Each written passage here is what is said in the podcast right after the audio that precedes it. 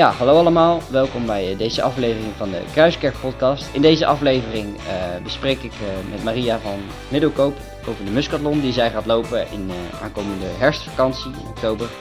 En we hebben het daarna ook nog kort over dat we Ora weer opnieuw gaan opzetten. veel luisterplezier.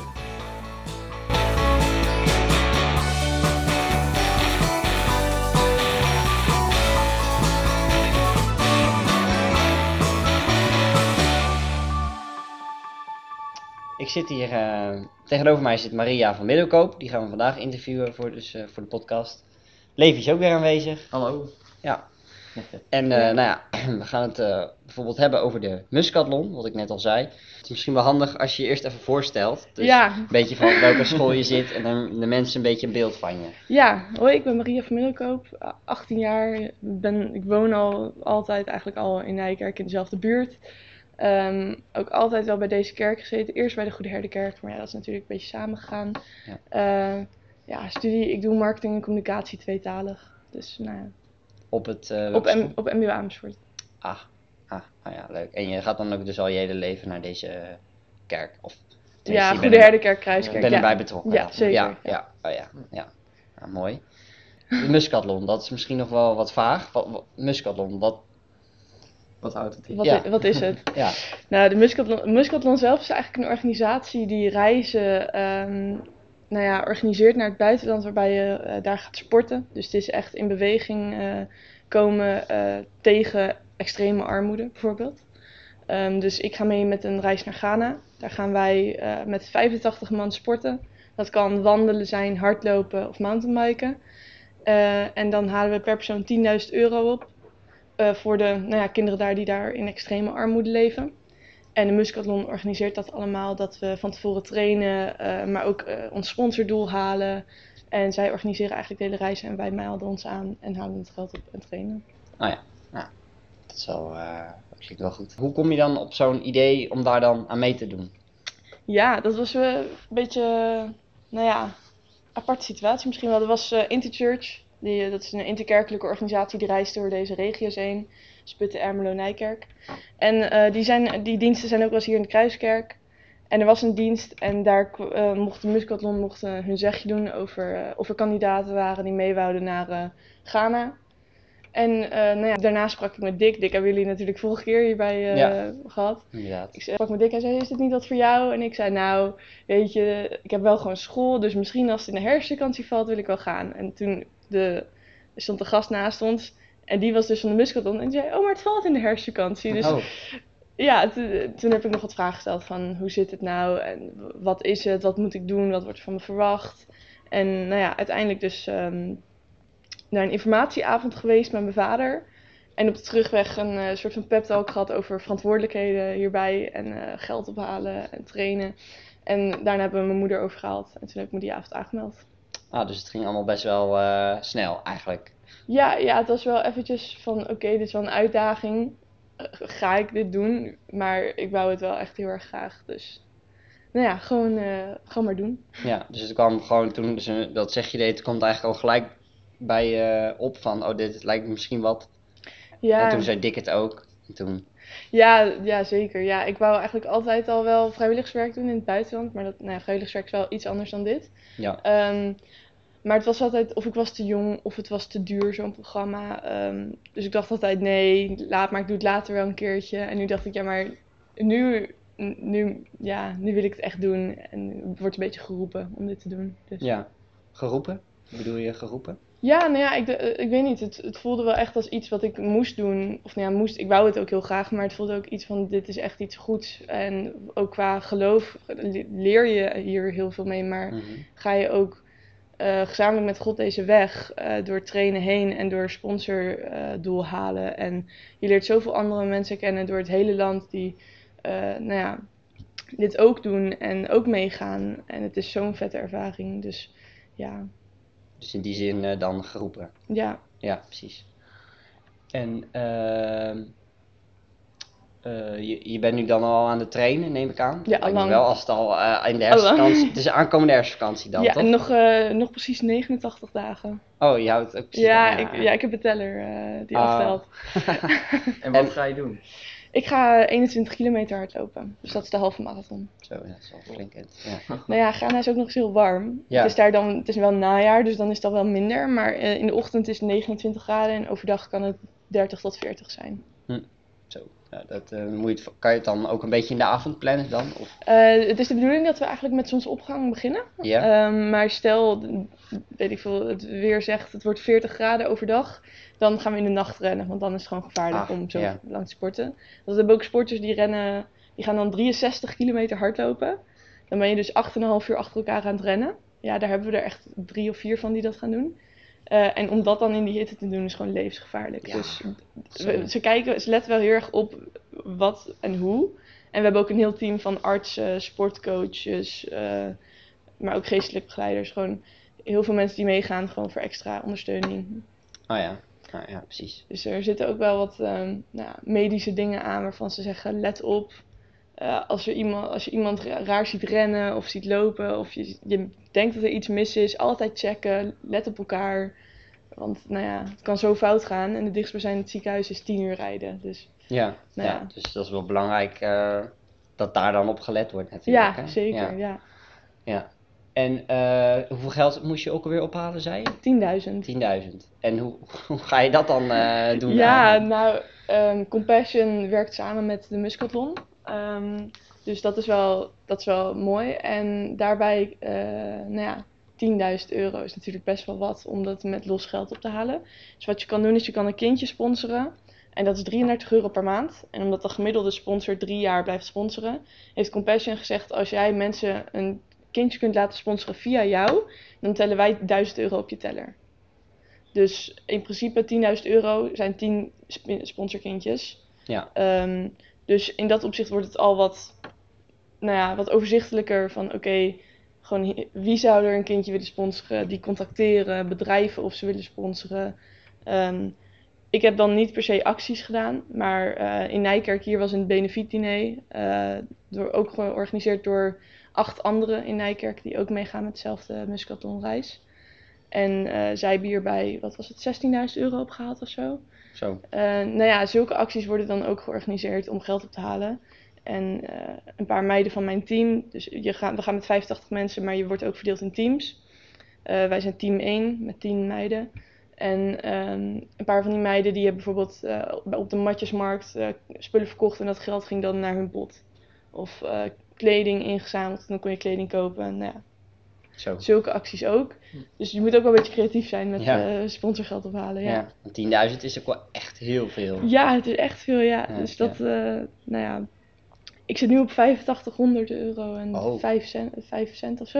Oh, dus nog 1500 te gaan. Dus je Ja, zit echt al wel dus- dik. eh, ja, dus ik ben er bijna. Dus nog eigenlijk één sponsorkontje en nog nou ja, 500 euro. En dan, ja, precies. dan ben ik er. Dus ik, ik hoop dat nog iemand een sponsorkindje, nou ja, Ja. een kindje wil sponsoren, zeg maar. Ja, en nog even voor de duidelijkheid eh, voor de mensen. Ja, ik weet ook niet wanneer deze podcast eh, online komt. Maar misschien nog even voor de, voor de zekerheid. Hoe kunnen mensen dan geld eh, doneren voor jou dan? Nou, in de kerk liggen sowieso flyers met een QR-code en een website erop met een link. Die kan je overtypen of de QR-code scannen. Eh, dan komt u gewoon bij mijn pagina op een website en daarin staat eigenlijk meteen al hoe ver ik ben, met hoeveel geld ik op mijn teller heb en eh, geld doneren. Eh, maar dat geld doneren zijn losse bedragen. Dus dan als je naar beneden scrolt, een stukje verder, dan staat uiteindelijk kind sponsoren. En dan moet je een formulier invullen en daarbij staat ook hoe bent u bij een kindsponsoring gekomen. En dan via een muskatleet en dan de naam van degene die de muskatlon gaat lopen. En nou ja, zo eh, ga je sponsoren. Maar het kan ook via mijn Instagram pagina, dat is eh Muskatlon Maria. Eh, daar is ook een link en alle info te vinden voor feiten en nou ja, leuke weetjes over mijn reis.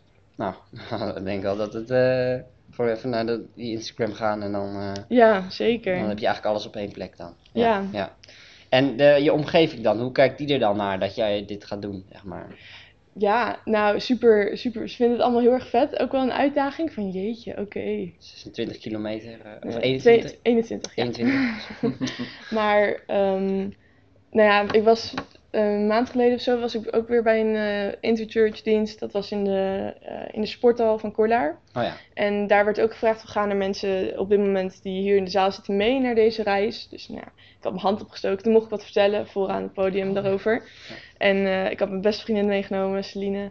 En Celine moest heel hard huilen. Die, Ja? Ja, die zei, oh, ik ben zo trots op je met wat je allemaal doet. Dus mijn ouders ook, echt, iedereen is vooral trots dat ik het doe. Maar ik moet het nog wel gaan doen. Ja, ja precies. Dus- Oh, dat is wel heel mooi. Wat ik, Ja. wat ik me daar nog van kan herinneren, of wij zagen dat dan. eh, wij waren toen in die, eh in die interchurch en toen kwam jij zo het podium op. En het was net of jij al wat had voorbereid, zeg maar. Dat je daar Ja. zo zat te vertellen. Maar het was gewoon heel spontaan dat je op het podium kwam. Nou ja, van tevoren, voordat ze dat vroegen, had, was er een video laten zien over, eh, nou ja, over een kindje in Ghana en zijn verhaal, zeg maar. En ik zat nog, ik, had, ik had, moest een beetje huilen om die video. Mhm. En toen was het, jij wil je naar voren komen? Dus ik zat nog half met Oh, tranen weg te vegen. En Ja. nou, ik, ik dacht echt, mijn benen zaten zo te trillen. Ik dacht, oh, ik val gewoon door deze grond heen zometeen. Ja, Dus misschien kwam het er heel soepel uit, maar ik was echt heel zenuwachtig. dat snap ik wel. Maar het kwam er, ja, dat was niet eh, voor ons te zien, denk ik. Nee, oké, nou, dat is mooi. Nee, nou, mooi dat dat dan zo liep. En heb je ook bijvoorbeeld wel eens mensen die zeggen: waarom moet je dan helemaal in Ghana gaan hardlopen? Je kan toch ook hier geld ophalen? Ja, ja, er was wel. ik heb wel meerdere keer de vraag gehad van waarom gaan jullie naar Ghana? Ik bedoel, dat zijn ook weer reiskosten, Ja. eh, vervuiling, want je gaat met het vliegtuig, nou ja, zeg maar zo. Dan moet ik echt uitleggen van ja, maar dat wij daar komen is ook al een hele impact voor die community. Eh, en dat laat ook zien van oké, deze personen zitten erachter. En voor ons is het ook natuurlijk, eh, nou ja, je, je leeft er wel een beetje naartoe. Ehm, dus ik heb wel meerdere keren die vraag gehad, ja. Ja, precies. Maar het, misschien ook wel de ervaring om dan in Ghana te zijn en het echt Ja. te zien, hè, dat er echt veel meer mensen, mensen zijn die het veel moeilijker hebben dan, eh, dan wij het dan hebben, veel slechter. ja. Dan zie je het ook echt met je eigen ogen. Als je dat hier zou doen, dan zie je gewoon dat huis wat je altijd ziet. ja, ja we, we hebben meerdere infoavonden gehad nu. Ehm, en op een van die infoavonden werd ook gezegd, je moet je natuurlijk fysiek voor- voorbereiden met trainen. Maar bereid je ook mentaal voor. Want we gaan door sloppenwijken lopen waar gewoon mensen aan dood gaan zijn. En dat is heel heftig om te zien. Eh, en je mag ook niks aanraken, je mag niks eten wat op, op straat wordt aangeboden of verkocht. Eh, er zijn echt hele strikte regels aan. Maar ze zeggen wel van, je moet wel weten dat dit echt een hele andere wereld is dan waar je aan gewend bent binnen misschien Europa of Ja. Eh, binnen Nederland. Dit is echt, echt heel anders. Dus dat is ook nog wel een stukje, eh, nou ja, het wordt, het wordt wel eh, misschien wel heel heftig, maar ook wel, Ja. En hoe doe je dat dan? Mentaal ervoor voorbereiden? Of is dat Ja. niet echt een manier om dat te doen? Nou, daar, daar, is niet, daar is niet echt een trainingsschema Nee. voor of zo. Nee, Nee. dat is. nee, ik ben een keertje op vakantie geweest naar Berlijn. En daar hebben we toen vrijwilligerswerk gedaan voor daklozen. En dat was ook een heel heftig beeld. Ja. Dus ik, soms denk ik gewoon, oké, dan dat, maar dan overal. Dus zeg maar, dat was één pleintje wat heel heftig was. Eh, gewoon drugsdealen, gewoon echt heel veel. Ehm, en dat dan over een gehele wijk, zeg maar. En dan misschien nog wel groter. Dus het is eigenlijk gewoon, ja, bedenken van oké, ik moet niet verwachten dat, dat, dit, dat dit de mooiste landschappen gaan worden. Of de mooiste, eh, misschien wel de mooiste reis, omdat het echt een doel heeft. Eh, en er zit echt wat achter, maar het gaat niet de, het, het mooiste land zijn. Of in ieder geval niet de mooiste plek. Nee. Dus dat vooral, eh, nou ja, misschien een beetje blijven herinneren. Maar wel, je doet dit voor een doel en eh, het, het gaat een hele mooie ervaring worden. Ja. Ehm, en onthoud gewoon dat je hiermee kinderen helpt. Ja, nee, dat is zo. En zijn er ook dingen waar je dan nog wel tegenop ziet voor die reis? Ja, ehm, sowieso eh, vaccinaties. Ik moet allemaal vaccinaties nog halen. Oeh. Dat zijn er echt wel best wel wat. En die Ja. zijn ook echt best wel prijzig per stuk. Ehm, maar er zijn, ja, er zijn best wel wat risico's. En dat, is best wel, dat kan best wel eng zijn. Ehm, maar ik denk, hetgene waar ik, wel, waar ik gewoon eerder bang voor ben, is je moet ma malaria-pillen meenemen. En die mag je pas slikken als je daar bent. Oh ja. Dus het moment dat je uit het vliegtuig stapt, neem je een pil. Maar die pillen kan je heel erg misselijk van worden. Hm. En dat weet je niet totdat je ze neemt. Maar je mag ze nemen als je in Nederland bent. Pas als je daar bent, mag je ze nemen. Ja, Dus het kan zo zijn dat je daar het vliegtuig uitstapt en gewoon drie dagen op bed moet liggen. ja. Omdat je zo ziek bent van die pillen. Ehm, maar ja, dat kan je niet weten van tevoren, want die kan je niet van tevoren nemen. Dus daarvan hoop ik gewoon dat dat niet zo is. En verder, ja, ja, rabies is ook wel een dingetje. Als je daar gebeten wordt door een aap of zo, dan moet je naar een ziekenhuis voor een, zo'n eh, prik. En die prikken hebben ze niet overal. Dus nou ja, in februari zijn er scouts heen geweest om te vragen aan het stamhoofd of we daar überhaupt mogen blijven en dit mogen doen. En toen ehm, is een van de reisleiders ook gebeten door een aap. En die moest toen tien uur in een busje naar een kliniek in de buurt. En die hadden toen die prik niet, maar die hadden, ze hadden die prik alleen maar voor paarden. Dus hij heeft zeven keer die prik voor een paard gekregen. En nou ja, dat, Jongen. ja dus ik, ik hoop gewoon dat zulke dingen niet gebeuren. Niet bij mij, maar ook niet bij mijn nou ja, reisgenoten, zeg maar. Nee, nee. Dus dat soort dingen zijn. me- medisch is echt nog best wel spannend. Ja. Dat vinden mijn ouders ook heel spannend. Die, zei, die zeggen: We vinden het heel vet dat je dit doet. Maar we zijn blij als je weer thuis bent. Ja, ja. Nee, daar mag je misschien ook wel vertrouwen op hebben dat dat dan goed mag komen. Ja, zeker. Ja. Ja. En waar kijk je dan het meest naar uit? Oeh, ehm, Of zijn misschien wel heel veel dingen waar je naar ja, het uitkijkt? zijn sowieso heel veel dingen. Zo- Sowieso de reis zelf, maar ook de- mijn, eh, het- de reis met mijn team. Het is echt, eh, ik vind het echt een heel leuk team, meiden. En we hebben het heel erg gezellig met elkaar. Eh, maar ook de gesprekken die eruit gaan komen. Maar ik denk misschien wel het meeste eh, aan het, de ontmoeting met mijn sponsorkindje. Bijna elke muskelatleet die meegaat heeft een sponsorkindje. Daar gesponsord waarschijnlijk. En die, we hebben een ontmoetingsdag en dan ga je dus je sponsorkindje ontmoeten. Ga je spelletjes mee doen. Ja, dat soort dingen, daar kijk ik echt heel erg naar uit. Ja. ja, gewoon het kind dat je, nou ja, deze hele tijd hebt gesponsord, dat je die dan niet echt eh Ja, en waar je al. Ja, je, wij doen bijvoorbeeld de kerstbrief en de kerstgroet, nou ja, zeg maar zulke dingen. Ehm, en dan, je krijgt ook rapportcijfers en eh, weet ik veel, een paastekening, dat soort dingen. Dus je, je houdt ook wel een beetje contact en dan nu ga je echt naar dat kind toe. Om echt te zien hoe nou ja, zij dan leeft en eh, hoe wij misschien wel die leefsituatie dan geholpen hebben, maar ook hoe het eerder was. En je gaat, nou ja, we hebben de eerste ontmoeting met de, met de hele groep die meegaat naar de Muscatlon eh, hadden ze een soort van markt nagebouwd. Een typische markt in Ghana. En ook een paar huisjes. En dan heb je dus een huisje van vier vierkante meter waar vijf mensen in moeten slapen. Nou ja, Ja. dat, is, dat is gewoon Nee. niet te doen. nee, Maar ook een markt en dan kregen we eh 1,28 euro. En daar moest je dan voor de hele week eten voor halen. Nou ja, dat is echt heel weinig. dat, ja. dat is niet te doen. Nee, Dus dan, ja, maar je moest meel hebben daarvoor. En het enige wat je eigenlijk at was rijst. Rijst, meel, mais. Dat Ja. was betaalbaar. En nou ja, dat is het enige wat daar eigenlijk gegeten werd. Dus ja. nou ja, daarvoor doe je het ook. Dat, die situatie verbeterd mag worden. ja, dat is ook heel belangrijk. En je, je, je ziet ook hoe, wat ik al eerder zei, hoe slecht sommigen het hebben en hoe wij het zo goed hebben, hoe goed wij het hier hebben. Dat is, daar word je denk ik wel meer bewust van als je daar dan... Ja, het kan ook wel een beetje een shock zijn. Eh, daar, Ik weet ook, daar zijn ook psychologen voor. Mijn, eh, mijn tante die reist heel veel eh, eh, naar, nou ja, ze is laatst naar Sudan geweest. Ze was daar het eerste witte persoon ooit. En eh, daar, hebben ze, nou ja, daar hebben ze ook echt heel slecht. En dan kom je terug op het Nederlands vliegveld en dan zitten mensen te zeuren dat hun vliegtuig vijf minuten vertraagd is. Ja, En dan zei, zij zei van dan moet je jezelf even terugroepen van oké, zij weten niet hoe, hoe erg het is bij andere landen of dat hebben ze nooit zelf gezien. Maar jij weet hoe erg het daar was. Dus dan denk je, ja, maar waarom zit je te zeuren over die vijf minuten Ja. als er mensen letterlijk aan het sterven zijn omdat ze geen eten hebben? ja, Ehm, dus nou ja, daarvan kan je ook wel wat verwachten van oké, misschien ga je de eerste week in Nederland, moet je weer even reïntegreren. Maar het, eh, nou ja, Ja. het is wel heftig. ja, ja. Hoe lang ga je ook weer totaal dan? Acht Oh, dagen. acht dagen, dus dan Ja. echt de hele herfstvakantie. Ja. Ja. Ja. Oké, nou ja, mooi dat je dit eh, met ons wilt delen.